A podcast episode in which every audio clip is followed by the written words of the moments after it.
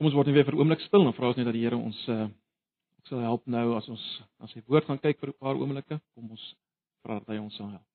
Ag Here, ons vra nou dat U ook nou uh ons sal help deur die werking van die Gees as ons na hierdie baie belangrike vers gaan kyk. Wil jy ons op daardeur bemoedig vanoggend en versterk en uitdaag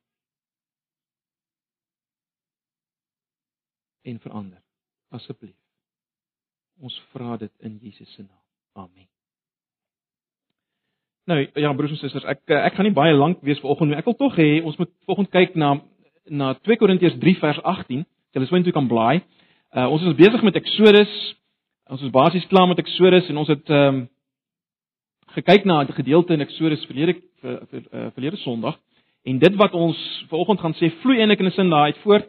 Dit nou aandui. Uh maar vanoggend by hierdie spesiale geleentheid, die sange getuienisoggend wil ek hê ons moet net miskien fokus op hierdie vers uh met die agtergrond van Eksodus in ons agterkoppe. 2 Korintiërs 3 vers 18. Ek gaan net daai vers lees. Ek dink ons het al meer by die voorigheid gekyk na die na die hele gedeelte vanoggend. Gaan ek net na hierdie vers kyk om ons probeer om in die konteks plaas. Uh en ek vertrou dit gaan vir ons help. 2 Korintiërs 3 vers 18.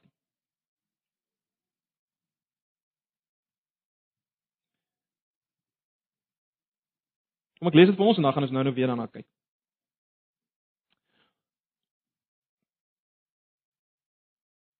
Ons almal, dis die 83 vertaling, ons almal weerspieël die heerlikheid van die Here want die sluier is van ons gesig af weggeneem.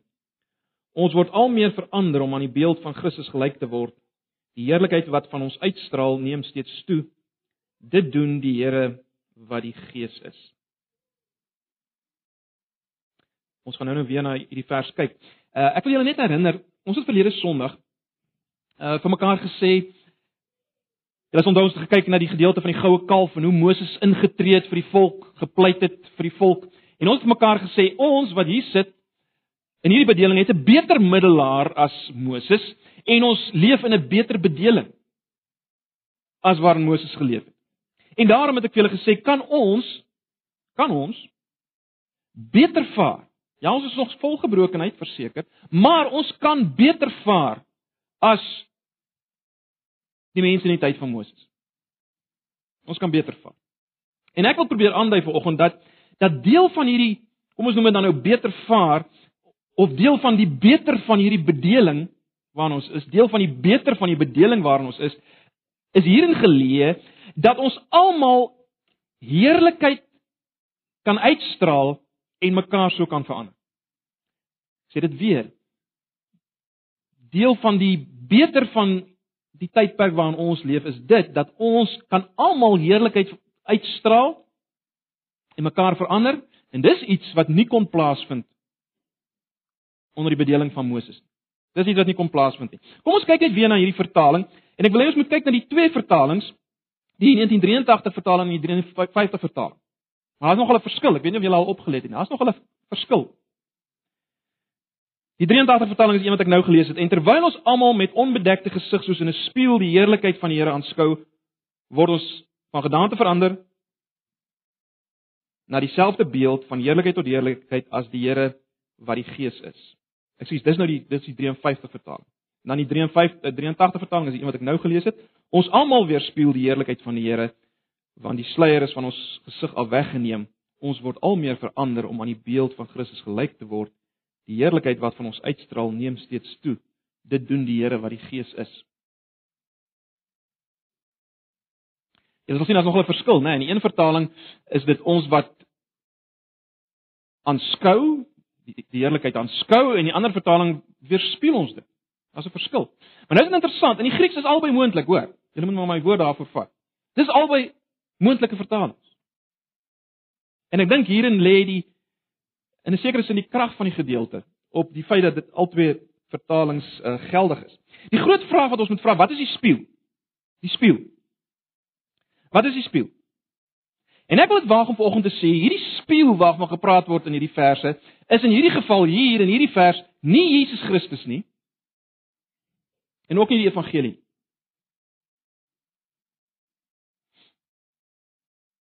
Die spieël in hierdie geval is mekaar. Het julle gesien in daai vers? Ons almal weerspieël of ons almal aanskou. Hang af watter vertaling jy voor jou het. Ons almal aanskou die heerlikheid en word verander. Ons almal weerspieël. Ons almal weerspieël. En nou, broers en susters, dis natuurlik wat nie in die tyd van Moses gebeur het nie. Net Moses Onthou julle daai gedeelte in Eksodus 34 vers 29 tot tot 35, onthou julle dit? Net Moses, onthou julle, het die heerlikheid van God aanskou en dan het hy dit weer dan dan het weer skaats van sy gesig af. Onthou julle, toe moes hy 'n sluier uh aantrek. Net Moses. En nou is dit interessant. Paulus maak 'n punt daarvan om te wys ons is in 'n beter bedeling as Moses. Ons is in 'n beter bedeling as Moses. Kyk net na vers 13 van 2 Korintiërs 3 vers 13. Hy sê ons is nie soos Moses wat sy gesig met 'n sluier toegemaak het.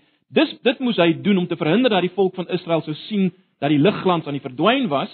En dan vers 11, miskien nog duideliker. Hy sê as wat aan die verbygaan was van heerlikheid gestraal het, veel meer nog sal die blywende van heerlikheid skitter. En hy verwys aan die een kant na die tyd van Moses en aan die ander kant aan die tyd waarin hy nou leef, die nuwe bedeling, die nuwe verbondsbedeling. En hy sê daai bedeling waarvan Moses deel was, was aan die verbygaan en en is amper asof hy die die wat hy impliseer is dat die ligglans wat van Moses gesig se gesig verdwyn het wat nie heeltyd daar gebly het nie, was amper simbolies van die hele tydperk. Dit was tydelik. En die punt wat hy wil maak en ons het nie vanoggend tyd om nou in besonderhede daarop in te gaan in die hele 2 Korintiërs 3 nie, maar die punt wat hy wil maak is dat dis nou 'n beter bedeling wat die heerlikheid meer blywend van aard is. Daai tydperk het verbygegaan. Die tydperk van Moses. Wat was die groot tekortkoming van daai tydperk? Wel, om dit baie eenvoudig te stel, die groot tekortkoming van die tydperk waarin Moses gelewe gelewe het, was dat slegs Moses se gesig het geskyn. Net Moses se gesig het geskyn en die ander ouens kon nie na hom kyk nie. Want hulle hierdie hierdie bedeling was was nie volkome nie, nê, nee, daar was daar was daar was 'n stuk gebrokenheid nog. So hulle gesigte het nie geskyn nie, net Moses het dit geskyn. So wat kom doen Paulus in 2 Korintiërs 3? Want Paulus maak die aanspraak in 2 Korintiërs 3 dat in hierdie bedeling waarin ek en jy ook nou leef, die nuwe verbondsbedeling as jy wil. In hierdie bedeling word mense deur die Gees verander. Wanneer? Wanneer word hulle deur die Gees verander? Hulle word deur die Gees al meer verander wanneer hulle na mekaar kyk. Wanneer hulle van aangesig tot aangesig met mekaar kom, want dan sien hulle die heerlikheid van God soos dit gesien word in Jesus en dan verander hulle. Dis dis dis die punt wat Paulus wil maak. Dis die beter van die bedeling. Ons kan nou na mekaar kyk en die heerlikheid sien, daai heerlikheid wat net by Moses was. Kan ons sien en ons word verander. Maar nou die interessante ding is dit. Dink 'n bietjie, wat sien ons as ons na mekaar kyk? Wat sien ons as ons na mekaar kyk? Dink net aan eers aan aan Paulus en sy mense. Want die punt wat Paulus wil maak is as hulle na hom kyk, dan sien hulle heerlikheid en as hy na hulle kyk, dan sien hulle heerlikheid. En dit verander hulle. Dis die beter bedeling as die van Moses. En terloops, dit maak sin in die hele konteks van van 2 Korintiërs 3 want in vers 2 lees ons al sê Paulus: "Julle self is ons aanbevelings aanbevelingsbrief." vir almal om te lees en te verstaan. Julle is 'n aanbevelingsbrief en dan gaan hy verder en sê julle is geskryf deur die Gees en so meer. So julle gedagte in 2 Korintiërs is dat die mense self, die mense aan wie Paulus die woord bedien, hulle is soos briewe wat gelees word deur almal. Uh dis deel van van wat hy wil sê in 2 Korintiërs 3. So die beter van hierdie bedeling lê daarin dat ons na mekaar kyk en verander word. Maar nou. Wat het hulle gesien as hulle na Paulus gekyk het? En dis belangrik. Wat het hulle gesien as hulle na Paulus gekyk het? Broers en susters, julle moet maar self weer gaan lees 2 Korintiërs 11 van vers 23 tot 33. En dan ook hoofstuk 12. Ons ken almal hoofstuk 12 die die gedeelte van die doring in die vlees waarmee Paulus geworstel het. In hoofstuk 11 vanaf vers 23 tot 33 lys Paulus al die dinge wat met hom gebeur het. Geweldig. Geweldig. Al die swaar kry en al die gesukkel. Met ander woorde, as hulle na Paulus gekyk het, dink bietjie mooi, wat het hulle gesien? Wel, hulle het gesien swakheid en lyding. Dis wat hulle gesien het as hulle na Paulus. Swakheid. Lyding, swaar kry.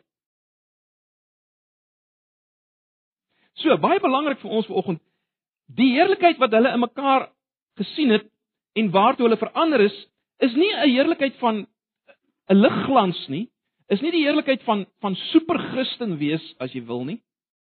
Dis die heerlikheid wat as te ware wys op skyn deur lyding heen. Kom ek stel dit so. Dis die nederigheid, die sagmoedigheid en so meer wat in lyding en swaar kry sigbaar word. In hierdie swakheid kom dit na vore. Paulus beskryf dit mooi in 2 Korintiërs 4 vers 7 tot 10. 2 Korintiërs 4 vers 7 tot 10. As ons net 2 Korintiërs 4 daar kan kry op die op die PowerPoint, 2 Korintiërs 4 vers 7 tot 10. Dis net na hoofstuk 3 dan sê Paulus, maar ons het hierdie skat in erdekryke sodat die voortreffelikheid van die krag van God mag wees en nie uit ons nie. In alles word ons verdruk, maar ons is nie te neergedruk. Ons is verleë, maar nie radeloos nie. Vervolg, maar nie verlate nie. Neergewerp, maar nie vernietig nie. Gedurig dra ons die doding van die Here Jesus in ons liggaam om sodat ook die lewe van Christus in ons liggaam openbaar kan word. So dis dis iets van die heerlikheid wat ons mekaar sien. Die feit dat al is ons verdruk, ons is nie te neergedruk. Ons is verleë maar nie radeloos. Al daai dinge. In hierdie swaar kry openbaar ons hierdie hierdie heerlikheid. In hierdie swaar kry kan ons liefde gee vir ander. En so meer. En broers en susters, was dit nie die heerlikheid van Jesus op aarde nie? Dink mooi daaraan. Is dit nie die heerlikheid van Jesus op aarde nie?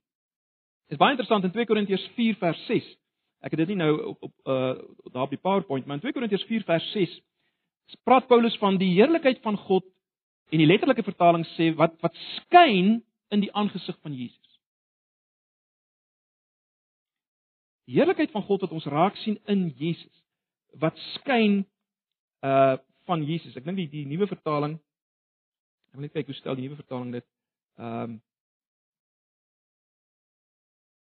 Hy praat van die heerlikheid van God wat van Jesus Christus uitstraal. Die heerlikheid van God wat uit Jesus uitstraal. Ou vertaling sê ons sien die heerlikheid van God in die aangesig van Jesus. Maar wat sien ons as ons na Jesus kyk toe hy op aarde was? lyding, swaar kry, gebrokenheid. Maar in dit absolute krag, absolute liefde. Opofferende liefde vir die wat dit nie verdien nie, né? As jy gaan kyk na wat hy doen terwyl hy swaar kry en verwerp word.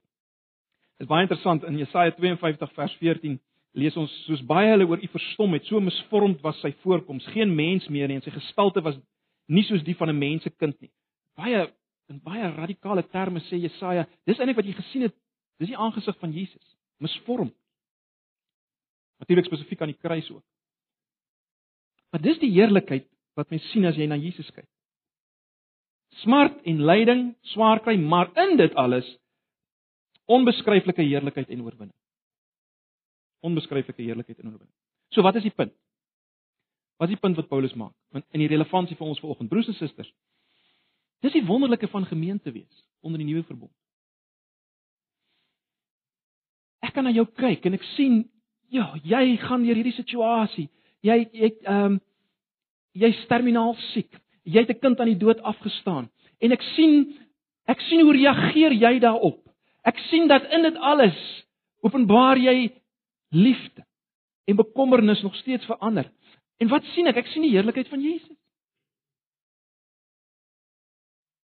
En jy kyk na my En en ek kyk weer na iemand anders, nie iemand anders kyk na iemand anders in die gemeente en so ons kyk na mekaar. En dit verander my. As ek sien hoe jy reageer in jou swaar kry, in jou lyding, in jou swakheid, en dit wat uit jou uitkom, verander dit my. En dis die gedagte. Dis die gedagte. So, broers en susters. Dit wat ons nou gaan doen, die die getuienisse waarna ons gaan luister. Is deel hiervan. Hoekom getuig ons? Hoekom moet is dit belangrik dat ons sal sal hoor wat die Here doen in ander se lewens? Vir hierdie rede. Dit verander ons. Ons verander van heerlikheid na heerlikheid. As ons in mekaar dit sien wat ons in Jesus gesien het in sy swakheid en gebrokenheid. Dit wat hy openbaar het, sien ons in mekaar. En dit is so dit is hoekom dit so belangrik is dat ons sal hoor wat die Here doen in mekaar se lewens, want as ek dit sien, dan verander dit my. As ek sien hoe jy reageer, hoe jy die heerlikheid van Jesus in jou situasie openbaar. So dis dis waarvoor ons vanoggend bymekaar is en ek hoop ons beleef prakties vanoggend iets van dit wat ons hier sien, iets van die beter van hierdie bediening. So ek gaan nou vra dat ons uh, weer twee liedere sing en daarna gaan Nelis en ek wil hom vra om vir ons uh, getuienis te bring.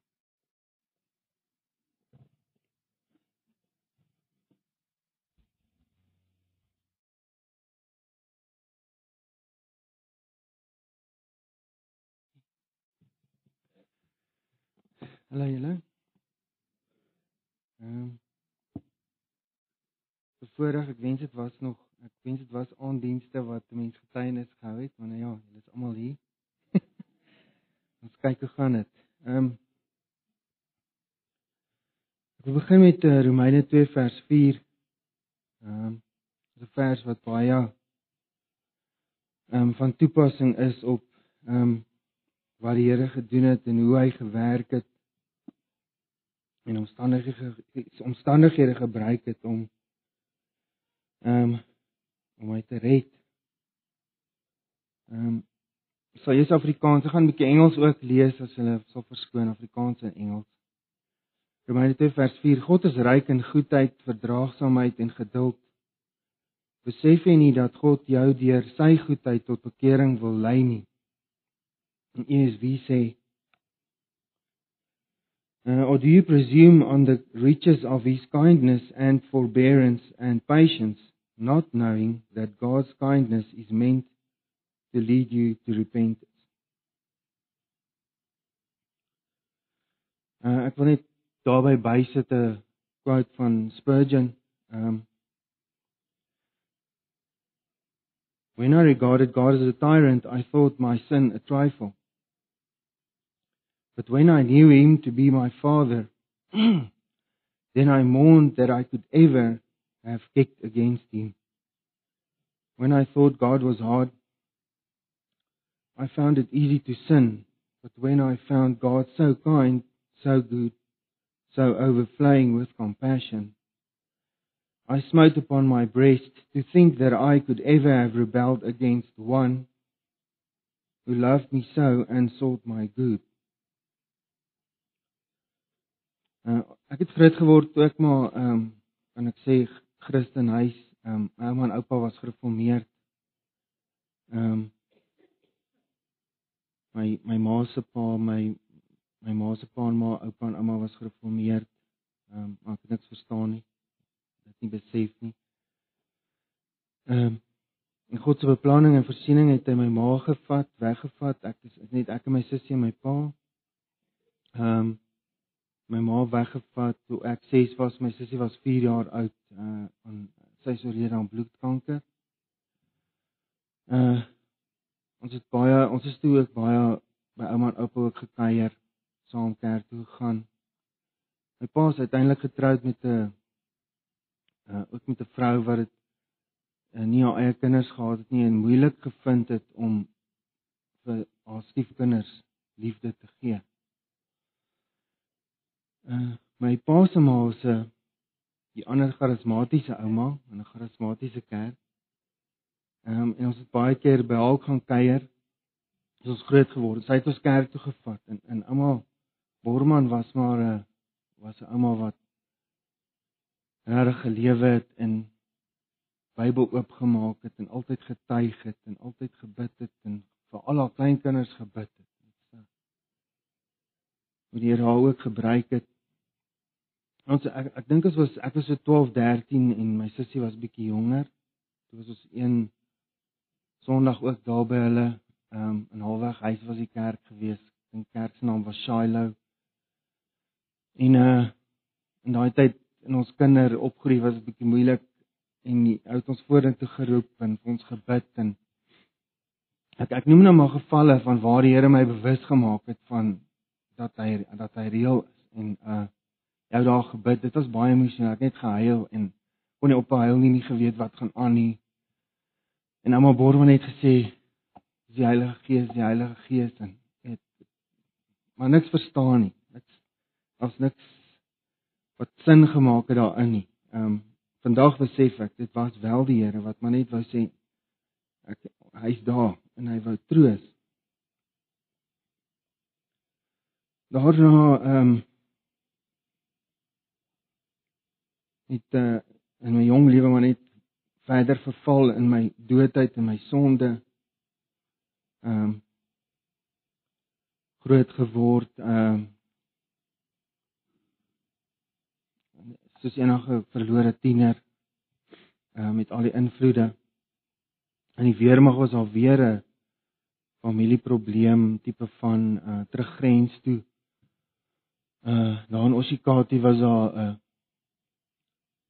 volle evangelie pastoor uh, ek en 'n vriend van my het ook weer daar net besluit dis om nou met die Here regmaak. Ons is na die ou toe en vir 'n ruk lank kerk toe gegaan en ernstig en dan uh teruggekom uh na die army uit die army uit uh meisies te mekaar en dan later dan, dan vergeet jy net maar weer van die Here. Uh toe gaan studeer in die Kaap. Ehm um,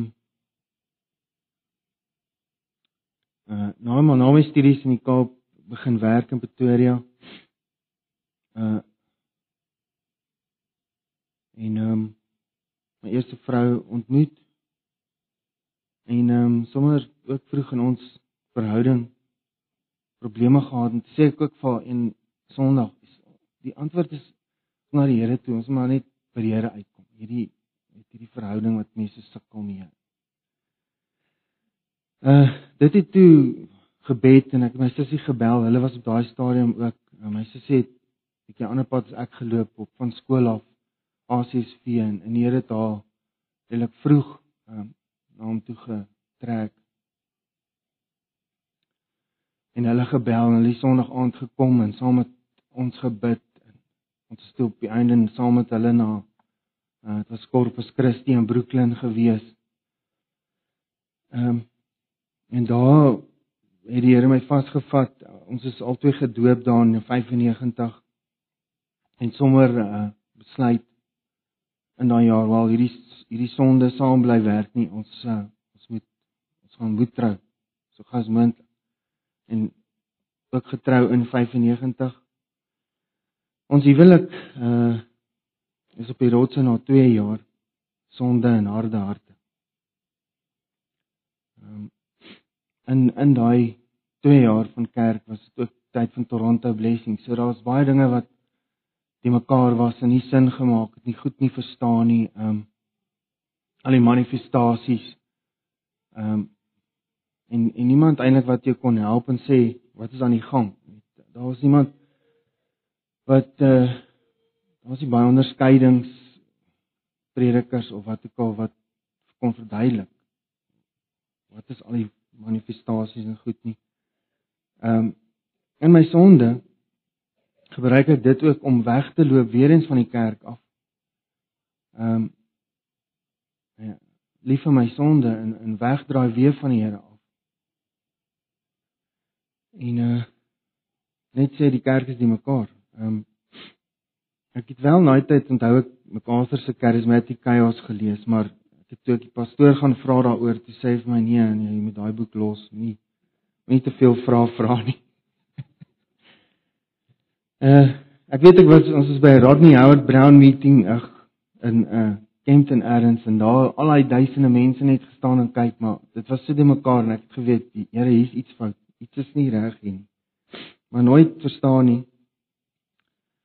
ehm um, my pa en, en my suster hulle was toe ook in daai tyd ook charismaties in in die CMA kerk vir baie jare vir baie lank uh, in 2001 Hy is so geskei en en hulle eh, baie eh, tyd lank alleen en ehm um,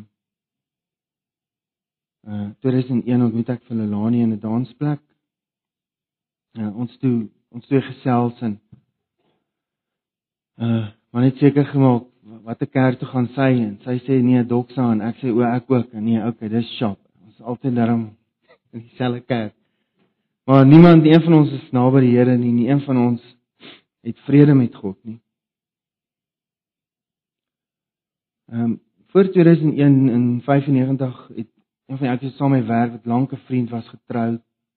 Ehm um, en ehm um, een van sy vriende was Piet Swart gewees en ehm um, Piet Swart reël die ou se my vriend se bachelors ek uh, in in 96 was ek nog bietjie aan die brand en uh, ek ek het die ouens aangevat en 'n brief geskryf en oproepe gemaak sê julle kan nie hierdie partytjie hou nie en al, al wat ek toe gedoen het hulle het my nie genooi in die partytjie toe nie en aangegaan.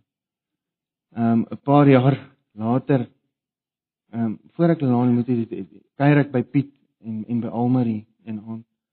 En Piet sê vir my weet wat ek soek daai daai hoe jy was op daai stadium. Jy jy het 'n standpunt ingeneem vir die Here en, en en ek soek dit. Ek is ek is oorweldig daardeur. Ek loop, ek storm uit, ek loop, ek sê verskoon my Here, ek is in trane, ek loop uit. Ek sê ek kan nie glo dat die Here my erns gebruik het om iemand iets te sê of te wys ehm um, van wat reg en verkeerd is nie. Maar dis toe daan Piet ehm um, en ek ons is nie eintlik baie goeie vriende nie, so ons elkeen gaan sy pad en uh ek en Elani is toe 2003 verloof. Ons ma se pa sê ons verloof, so ons gaan nou 'n huisie koop en dan gaan ons trou.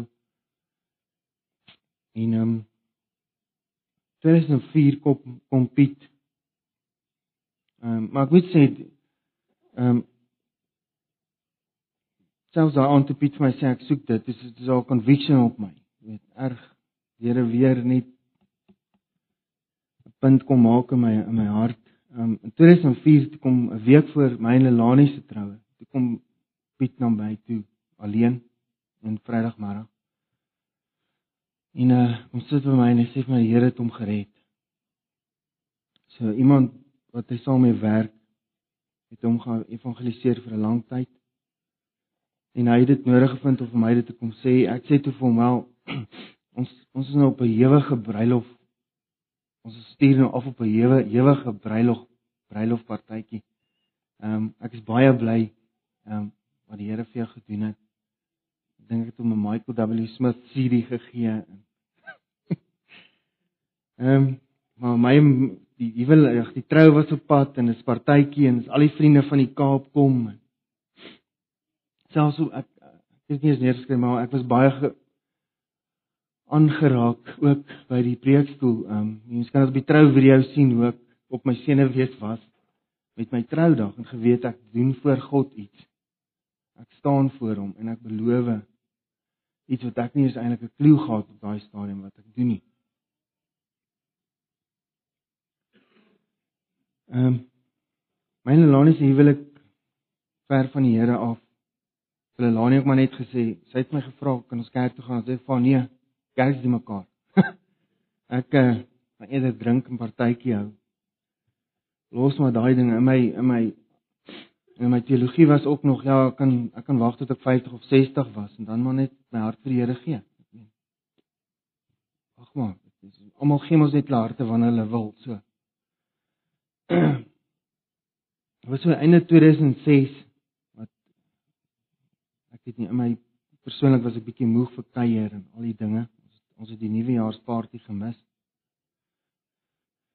Ehm um, Maart maar 2007. Ehm um, Toe bel Piet my weer en hulle hy toe nou van sy bekering het hulle op kerk gesoek en toe opgeëindig by Grace Fellowship. Ehm um, en vir MacArthur se kerkplante hier in Pretoria. En in Maart toe, toe kom hy nou en sy soos die Here hom nou leer, is hy besig met uh, met uitverkiesing.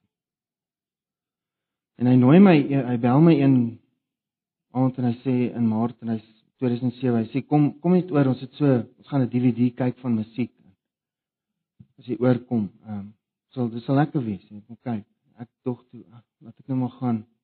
Ek hoop nie die musiek gaan hulle weer jy weet al die iets sê oor al my musiek nie want ek hou baie van musiek en ek nie hulle sê iets oor YouTube nie.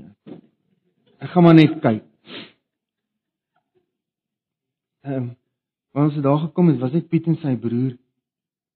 En ehm um, hulle het gebid gebid, ons het die DVD gekyk en ek was bietjie geskok. Dit was Hells Bells DVD, dink nommer 2 oor al die want daar's maar daar's genoeg waarheid daarin. Ehm um, ons ons het dit ek dink reg goed gedoen. Daar's baie grafiese en baie goed wat nie mooi is nie. Ehm um, en op 'n snaakse manier net gevoel ja, heeltemal gevoel ja, hierdie goed is nie reg nie, maar dit is hulle vat ook ekstreem voorbeelde. Maar ek het so klaar gekyk en en na dit sê Piet ons koffie drink en ek en hy is nie kom wys. En ehm um, met sy studies sê hy vir my dis nou waar hy nou is en hy wil net vir my gou hierdie paar verse wys en hy sê vir my kom ons kyk gou hierso Esegiel 36 Ek dink ek gaan nou maar net Engels lees. Wou nou al twee gelees het maar hy sê kom ons kyk net na Esegiel Esegiel 36 25 tot 27 en hy vat sy vinger en hy sê kyk hierso, kyk hier. Esegiel 36 25 en hy lees I will sprinkle clean clean clean water on you and you shall be clean from all your uncleanness. And from all your idols I will cleanse you. I will give you a new heart and a new spirit I will put within you. And I will remove the heart of stone from your flesh and give you a heart of flesh. And I will put my spirit within you and cause you to walk in my statutes and be careful to obey my rules. Ek weet die konteks is Israel en uh hy lees dit hy sê in, in Johannes 10 ook staan in Johannes 2, hy sê hy staan ook langs hom en hy wys hom met sy vinger die vers Johannes 10:14. Uh 15 I am the good shepherd. I know my own and my own know me just as the father knows me and I know the father.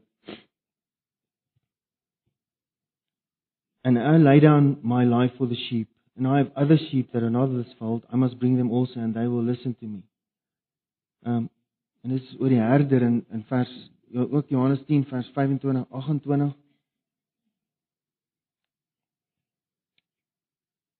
I told you you do not believe. I told you and you do not believe. The works that I do in my Father's name bear witness about me, but you do not believe because you are not part of my flock. My sheep hear my voice and I know them, and they follow me. I give them eternal life, and they will never perish, and no one will snatch them out of my hand. En uh iets sê maar net drink koffie sê ek weet nie waar jy nou nie, maar um, dis nou wat hierdie dis dis God wat hierdie goed doen. Kan jy kan jy sien dis God wat sê ek doen en ek sal en ek doen en ek sal. En ek ons ek groet en ek ry weg en ek besef aan um, ek is nie 'n skaap. En ehm um,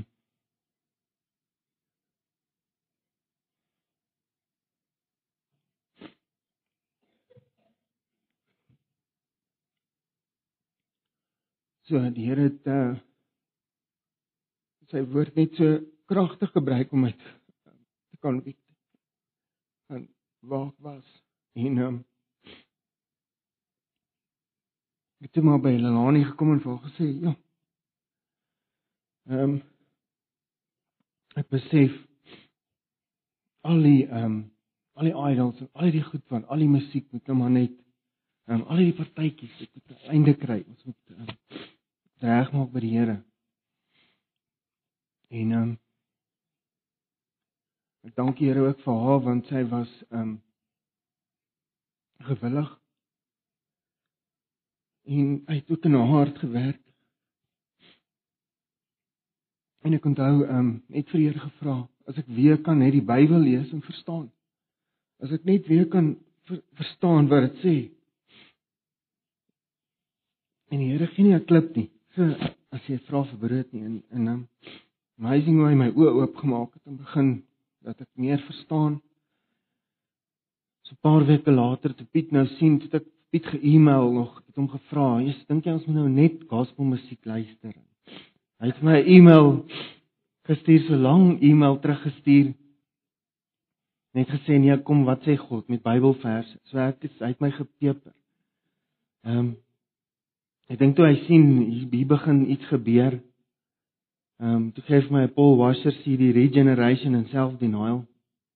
Ehm um, hy het ook vir my iets gegee vir Paul Johnson oor History History of Calvinism. Hy het aan vir my gesê nee, ons moet kyk na kerkgeskiedenis. En uh ewe skielik maak Here my oë op. Ek verstaan hervorming. Ek en Elani het Doctrines of Grace geluister, het verstaan ons het saam Piet begin gaan Grace Fellowship toe en kon nie genoeg kry van preke nie, kon nie genoeg kry van waarheid nie. Ehm um, en uh dis maar uh hoe hoe dit gebeur het my in God se wonderlike genade en voorsiening het hy uh ehm um, ja ons is Justin Peters my suster hulle uit die charismatiese kerk uit ook in 'n Bybelse kerk my pa hulle dieselfde ehm um,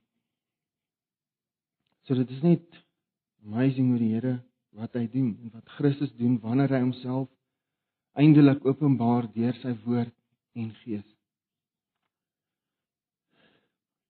So vir my was dit altyd die vraag was uh, is daar vir my nog 'n kans? Dit was my groot vraag en in in in in repentance dit gevra. En julle wat kinders van die Here is, weet dat die Here is is 'n God van tweede kansse.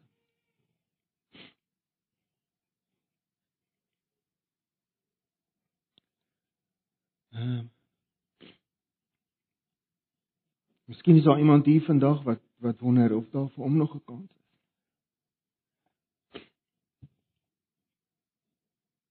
Ek kan getuig dat daar sal vrede wees as jy opreg na Christus toe draai, jou bekeer en in hom glo as jou regverdiging voor heilige God. Ehm um, die stryd met die vlees is nog baie reël vandag, maar ehm um, Christus het beloof nie een van sy skape sal hy verloor. So ek loof en prys hom vir alles.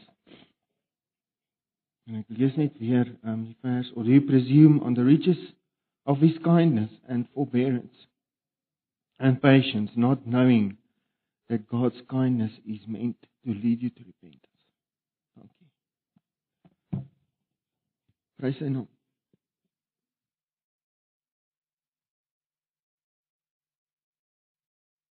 vir uh, Gerard vra om so 'n kort getuienis te gee. Hallo, can you hear my word? Okay, ek gaan Engels praat, ekskuus. But whatever. Um okay, my name's Jared. Uh let's see. We'll start at the back.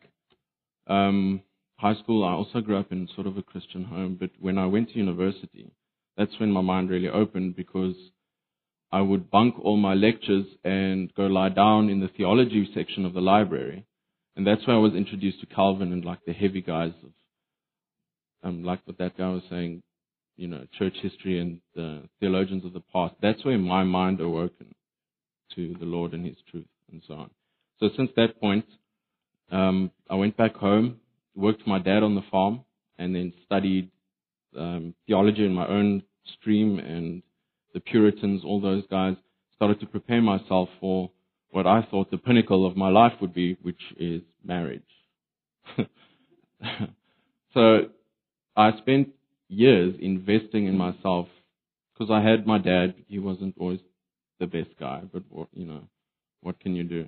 So I set out to perfect myself as a man because I sort of viewed that as, you know, like I said, the pinnacle of this life. And the verses in Ephesians 5, and Jacobus preached on the verses at our wedding actually, about how Christ, you know, that we, we love our wives the way Christ loves his church and died for her. And um, that's always been at my core what's kept me going. Anyway, so we both, me and Anina, baby, stand up. There we go. That's my wife. And um, we we met each other at a Bible study, and we were both pure, and we had been working on ourselves, and we had that in common, this foundation of God. And we wanted to start a relationship. Well, I wanted to start it at that stage, but she took a few years to catch on. Um, um, so we started courting. I mean, I sent letters to her dad. You know, these are my intentions, and we want to end in marriage. And very noble, very pure, all of that stuff. And we really made God the foundation of our marriage. Um, and uh, then we got married. And like from day one, from the wedding day, that was like the worst day of our lives. From that day, the whole first year was just totally tragic. Um, we had so many expectations about marriage, about each other, about ourselves, even that we didn't really know. And we had jumped through all the hoops, preparations, married. I mean, I've been doing marriage courses since I was a teenager. Yeah. So I really thought I knew the game. This is what, what we're going to do. This is how it's going to work. And, you know, here we go. Wow. and all the married couples know exactly what I'm talking about as well. It's actually not so funny. You know. But um, anyway, so the year was really rough. We we got to a pretty low stage. Um, at that point, naturally, um, this is the time for the trial and the test. So God, you know, just hides behind the tree, kind of thing. You know, let's see what happens now. So we felt this disconnection from God, and we were fighting with each other. It was communication. It was psychological things. It was suicidal tendencies. It was self-destructive behavior, substance abuse. The list goes on. Like just your typical marriage trouble, you know.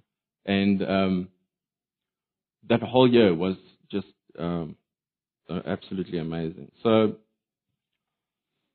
then um, we basically reached a breaking point, and um, actually, um, at some point, it, just got too much. She actually SMSed my mom and said, "Please come and fetch him. I can't deal with this anymore."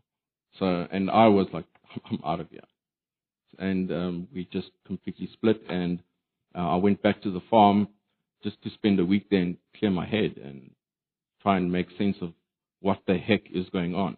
You know, this isn't marriage. I mean, not even when I looked at my parents, and they didn't have a rosy marriage, but whenever I looked at them, I didn't see anything like this either. And um, we talked to lots of other couples and so on, and they all said the same thing. You know, the first three years, the first one year, the first five years are rough, but then you get into it, and we just couldn't go that far. Um, so yeah, then uh, anyway, I came back to Pretoria, and she was here, and our lives had basically stopped. I uh, stopped. I um, wasn't even performing at work last year, so I had to actually leave that place um, because of the stress and all the junk we were going through. And um, when I came back, um, something was different. We just um, we sat down and just I just told her, look, um, I really can't do this anymore, uh, and I'm not going to. This um, I'm here now, and um, I'll be here until well, for as long as I can. But I'm actually like parts of me have died. You know, the parts of my heart have died in this marriage, and um, yeah, so she was sort of on the same level. God had worked in her heart as well in that period of uh, separation, so to speak, and she just it was like um, I had perceived her heart to be very cold and very stone, stony, and you know the whole image of the regeneration, the softening of the heart, and you know getting a new heart. That's really what I experienced from her side, and I had this new sense of strength and life and grace as well. And we decided to just it's not like we had a choice. Okay, we'll go forward until we die, basically. And um, the dying was coming quickly. Um, but then things changed. Um, our communication was fluent. Um, it seems like the grace had returned. We understood each other. We had patience where we actually never had it before. And everything just turned around. I got a new place um, to work, a nice little school, perfect place. And our lives basically got on track, so to speak. Um, the point of this, though, or something I wanted to mention was that all those years of studying is actually one of the pivotal things that made a difference here because at the core of it all, the thing that kept me going the whole time was if God forgave me, and I'm quite a dirty guy, then why can't I forgive her? So that, that's always just sort of, I, I can't really face Christ when he sees me as dirty as as she is, and yet I turn to her and I say, no, no, I'm sorry, I can't do that. So that that kept me going, and um, more specifically, like um, the Reformed theology and the doctrines of grace and so on, the sovereignty of God, that He brought us together on that day, and we both knew that, but we never really understood how deep, how deeply significant it was. But to realize that God had brought us together and that was his plan from ages, you know, before. It, it actually helped me through because I knew, I, I just knew against all reasonable evidence. I, I, at every step, I just knew it would be okay, and it's that sort of faith that I got from my studies that I feel carried me through. Um, so it, it, the, the the past few months have been awesome. Um, something new and you know we we're still actually not totally out of it all yet, but um, it's just I just wanted to share that with you guys. Um, how after this year of hell and understanding what marriage is or could be, um, not a game. Um, we've both come out on top, it seems, thanks to God. Um, the grace that He's given us your prayers, even um, the counselors that we've seen, um, the, the, the guidance and the wisdom, the support, uh, all of that, all contributed, and yeah, we're just very grateful for all of this. And I, would like to motivate you as well that once you become a Christian or you get saved, it doesn't end there, and you still actually go through really heavy stuff, and you need to crawl out the top again. Um, perseverance, preservation.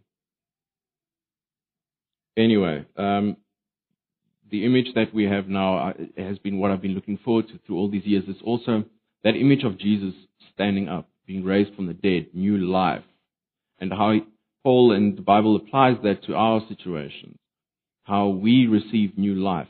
It really is like that because um, you die, you go through a process of dying, and then you're reborn, and it's a new opportunity to really change things around because you can't change the heavier stuff and the deeper stuff and um, the more difficult things, but but you have some bit of control over your own will, your own attitude, how you uh, respond, how you react to these things, how you learn, and um, this image of the new birth has really been, I think, demonstrated in our marriage, and to me as well, it's given me a deeper realization of um, all these biblical truths and uh, that that Christ came to reveal to us, and how just how relevant they are, and how life changing they are.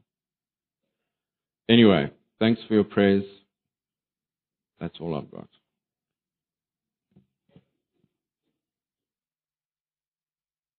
Yes, Jane Colleen. Goeiemôre. Dankie vir die geleentheid om met julle te deel. Ons kom 'n lang pad.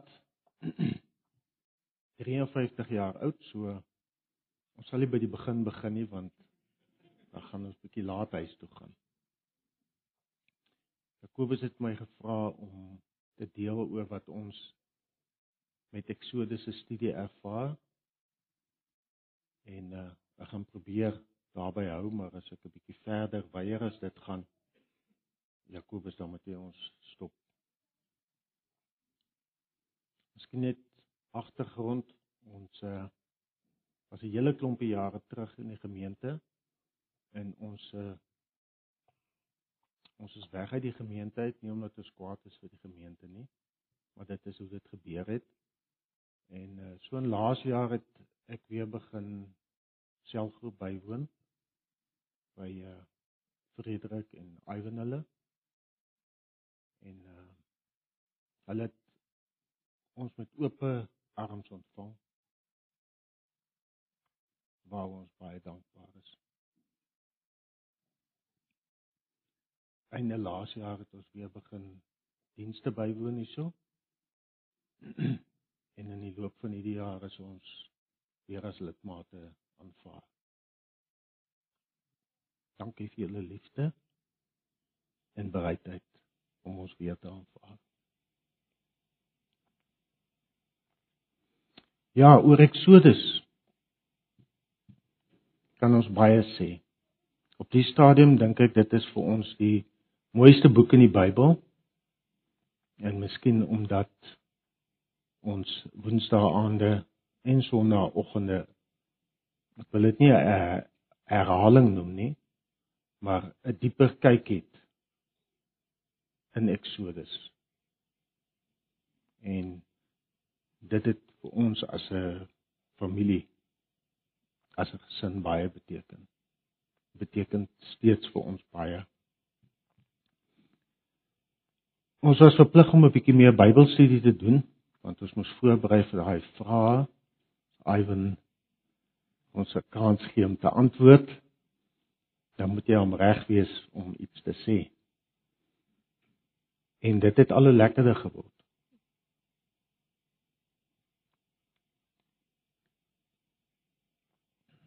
So ons het baie gegroei in die proses.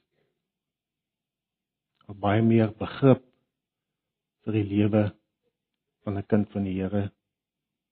En as ons dink waar Israel in daai stadium was en hoe hulle hulle pad moes loop en hoe hulle die Here moes leer ken. Dit voel vir ons of ons omtrent dieselfde pad loop. Ek dink is die ideale kombinasie van Sondag kyk in diepte kyk na sekere goede in die gedeelte en dan Woensdae om weer verder daarna te kyk. Ek hoor julle het die voorreg gehad om Genesis al so te doen. En ek vertrou, ek hoop dat ons vorentoe ander boeke in die Bybel net so sal doen. Dit beteken vir ons baie. die film wat ons gekyk het oor uh oor die Israeliete en oor Moses, ek kan nou nie die naam daarvan onthou nie, maar het ook groot groot betekenis vir ons gehad.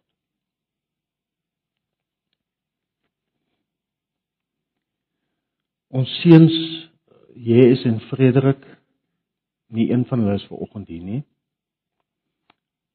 Maar selfs Jesus die oudste ene het saam selfgroep begin bywoon en hy deelgeneem aan die Exodus uh, by tye, hy was nie altyd daar nie. Maar ons kon sien wat 'n impak dit ook op hom het.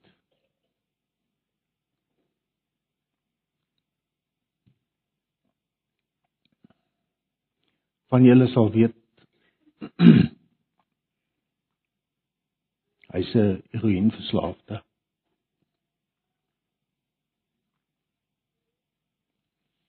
Ons glo egter en ons bly hoop.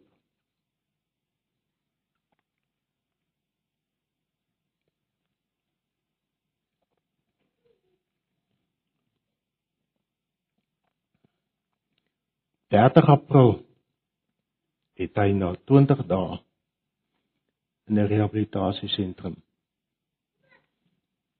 baie oulike kliniek het hy die aand besluit Hy wil nie wag vir die volgende dag.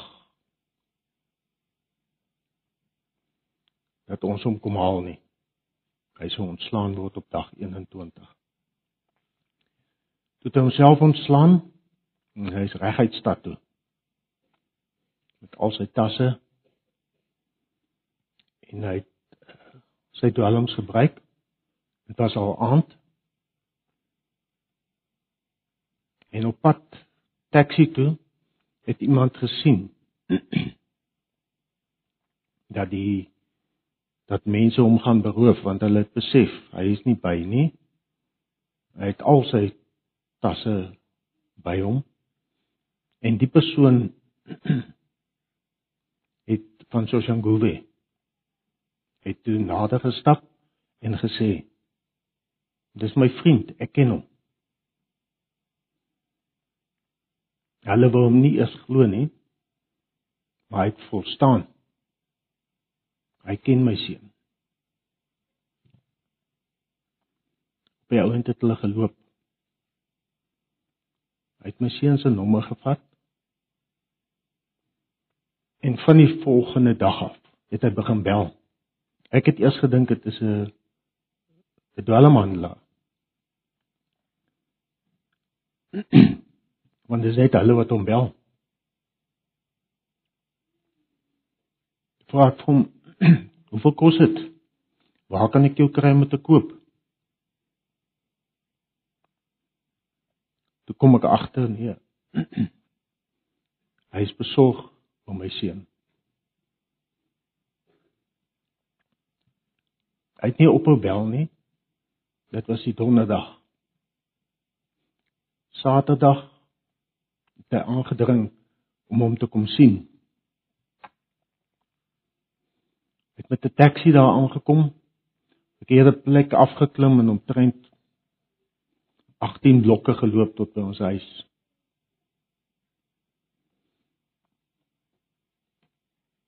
Jong man in sy vroeë 30's voldag gewerk, hy werk omtrent elke dag. By hom so Jean Gouwe kom hy saans half 8 se kant by die huis.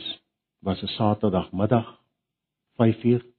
Hy het vir 2 ure met my seun gesels en met ons en ons bedien. Hy het nie 'n Bybel by hom gehad nie. Maar as my seun 'n vraag gevra het, kon hy vir hom uit die Bybel uit 'n antwoord gee.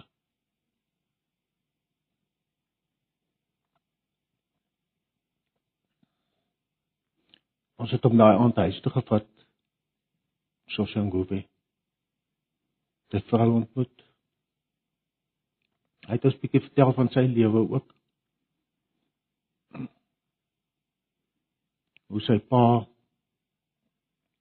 oorlede is en hoe hy probeer selfmoord pleeg het en hoe die Here hom gered het. En dat hy daarom vandag geroepe voel buite sy voldag werk om wie ook al op sy pad kom te bedien. Hy het 'n klein gemeentetjie hy, weet nie of dit so klein is nie. Het nou nog nie gaan besoek nie. Dan Soshanguve wat hy ook bedien op Sondag. Nou ons dank die Here ook vir hom wat op ons pad gekom het.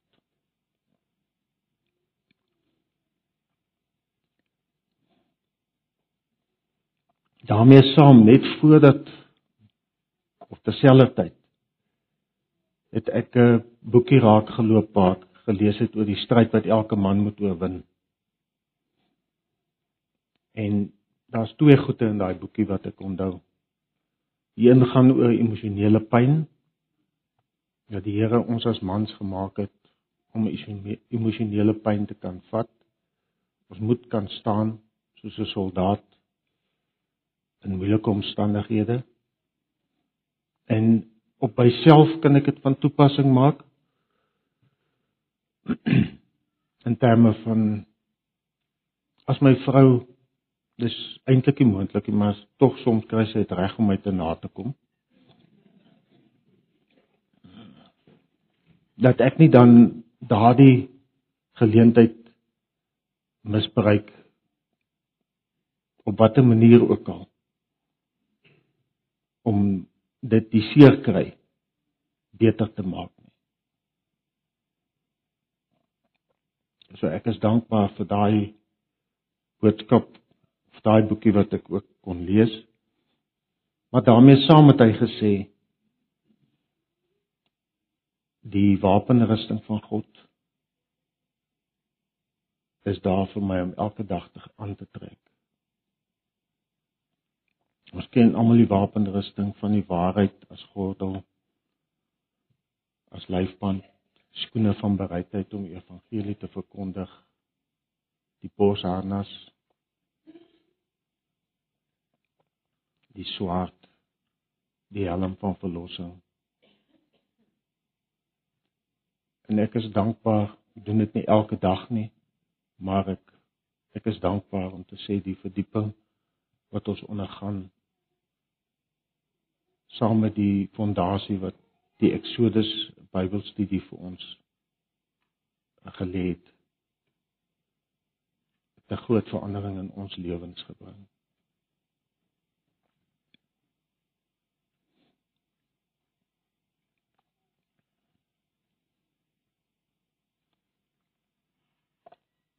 Ons ere ons ere God vir die gemeente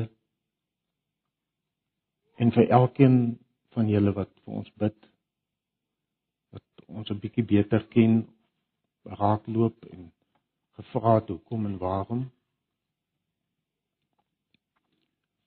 Dankie vir Theodor en Corrie wat bereid was met ons jonger seun wat ook deur 'n moeilike tyd gaan om onmiddellik te kom en te kom gesels en ons te leer ken. Ek noem net 'n paar name. Dankie vir Lenet. Toe ons bel en ek in my gees voel dat ons soek iemand. Ek het gevoel dis die regte ding om iemand te vra wat 'n pad met my seun kan loop met ons seun. Dankie vir die begrip en vir die ondersteuning. Ons eer God daarvoor.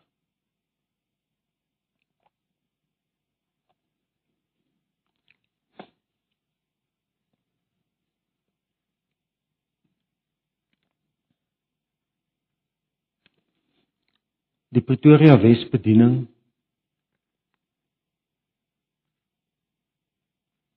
van julle sal onthou ons eh, pleegdogter Sy's nou nie meer ons pleegdogter nie, maar ons noem haar sommer nog ons dogter. Sy's terug by haar ouers al 3 jaar gelede. Alana hulle het uitgereik na haar toe ons gevra het en hulle gaan tel haar maandag aande op neem maar na die Bybel sessies wat hulle daar het. En ons kan vandag sê sy kuier die naweek by ons. Dit wat ons gesien het die afgelope 2 naweke. Miskien moet ek net lees wat sy vir my geskryf het hierso. Sy is 12 jaar oud. Sy skryf: "Vertrou altyd op die Here. Moet nooit dink of wonder of hy bestaan nie."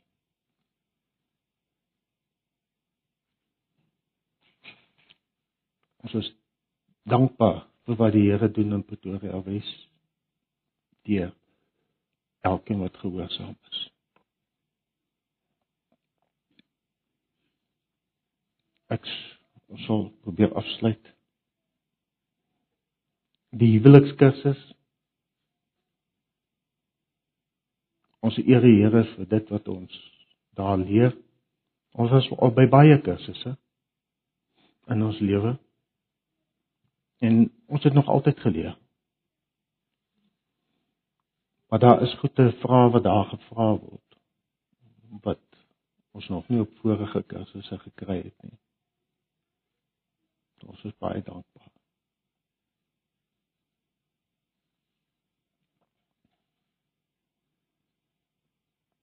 Filippense 4:6 moet oor niks besorg wees nie. Maar maak ons begeertes deur gebedsmeking en met danksegging aan God bekend. En vrede, sy vrede wat alle verstand te bowe gaan, sal oor ons harte en gedagtes die wag hou. Dis baie waar in ons lewens en ons moet dit elke dag baie keer meer as een keer 'n dag moet ons osself herinner daaraan nie net in my en Nicoline se se eie lewens nie, maar met ons twee seuns se uitdagings. Besef ons. Dit is nie meer dit is nie dit was nog nooit in ons hande nie. Alhoewel ek moet erken ek het nog altyd geglo ek ek kan dit met my hande regmaak. Maar ek het op 'n punt gekom waar ek besef ek kan nie al wil ek hoe graag en al is die bedoeling so goed ek is nie in staat nie ek is nie God nie en daarom moet ons rus in sy vrede dankie ek wil hoor of Nicoline iets wil byvoeg.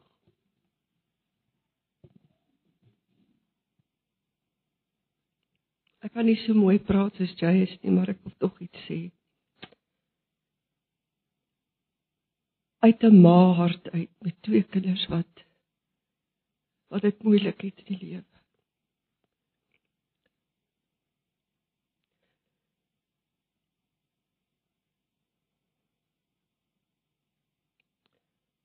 weet ek dat Eksodus vir my geleer het dit.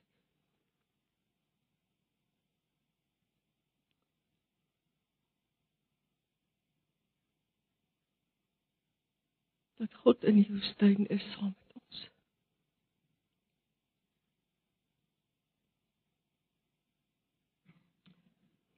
Maar ek is ook 'n Israeliet ek soek hardkoppig en moeilik. En ek is so dankbaar dat die Here by ons kom woon en maak het. Haas Riepin, ek wil nog net vanaand ietsie sê. Sê hier kom. Nog net een, dis die laaste een, dan gaan ons afsluit. OK, ehm um, ek gaan net baie kortliks ehm um, vertel wat die Here onlangs in my lewe gedoen het. Ehm um, wat my weet weer tot besef gebring het soos waar lewe my eintlik gaan en um, hoekom ek lewe en um, ja, daar's baie dinge wat um, ek nie verstaan het nie, dinge rondom my Christendom wat ek bevra vra het. Ek reg nie net nie verstaan het dinge wat sleg gaan en um, situasies wat ook mense nie verstaan hoekom dit in jou geval met jou moet gebeur nie. En, ja, slegte moet gebeur het en, en wat my wil dit wonder het hoekom dit gebeur het. Um en nou ja, was so aan wat dit een keer reg werk was wat ek net ek het gesê um ek weet nie hoekom sulke Christen nie, ek weet nie hoekom stap ek hierdie moeilike pad as dit so baie teëspoed bring nie. En um ag ja, toe ek hom gesê um ek weet nie hoekom ek sy kind het want ek, ek voel nie soos 'n kind nie. Voel asof my liefhet nie en um ek het nie meer krag en, en goed nie. Um en ag ja, um, met die gebeure en alles. Dis ek tot die besef gekom en hierdie gedagte het opgekom, um nou wie anders sal ek gaan? Want ek meen nou wie anders kan ons gaan? Um en nog nou hierdie gebeurtenis en en hierdie goed wat gebeur het toe so 'n paar verse wat my gegee is en by my opgekom het. Een van um Efesiërs 6 vers 10 wat sê um soek julle krag by die Here en in sy groot mag. Um Johannes 1 vers 12 wat sê maar aan almal wat hom aangeneem het, die wat in hom glo, het die reg gegee om kinders van God te word. Um mag jy net nog ver wat my gewys ek is 'n kind en ek het hom aangeneem. Um en dan 'n vers wat reg al lank pad saam met stap is Jeremia 29 vers 11 wat sê ek weet wat ek vir julle beplan het, sê die Here. Ek beplan voorspoed vir julle, nie teëspoed nie. Ek wil hê dat julle hoop vir die toekoms moet hê. Nou hoekom kortliks hierdie vers so baie betekenis? Dit is die vers wat in my geestelike gedoop is. Die vers wat op my dagboek verskyn die vers wat aan die einde van my laerskoolbaan net voor my hoërskool gegee is. Um en die vers wat weer begin hierdie jaar vir my gegee is. Um en en dit het my net opnuut wil laat besef ek moet alles aan hom oorlaat. Um want ek is 'n kind en ek glo in hom. En en net dat my besef laat alles wat gebeur, al hierdie slegte dinge, hierdie beproewinge wat ek nie verstaan nie, is deel um van sy plan vir my want um ja, ons verstaan nie altyd hoekom is daar teëspoed nie want hy sê hy soek voorspoed vir ons. Um waarom besef mense dis hierdie teëspoed en beproewinge wat mens voorspoed gee. Dis hierdie teëspoed en um wat mens terugsit op die pad na die ware geluk um, en die vrede. En soos ek vroeër gesê het, ek sukkel nog steeds om om dinge te verstaan en, en dit is nog steeds moeilik. Maar um ek weet Jesus Christus is my verlosser en en ek is sy kind en dat ek 'n ongelooflike verlosser dien. Mag nou die genade van ons Here Jesus en die liefde van God en die gemeenskap van sy Gees met julle elkeen wees en bly. Amen.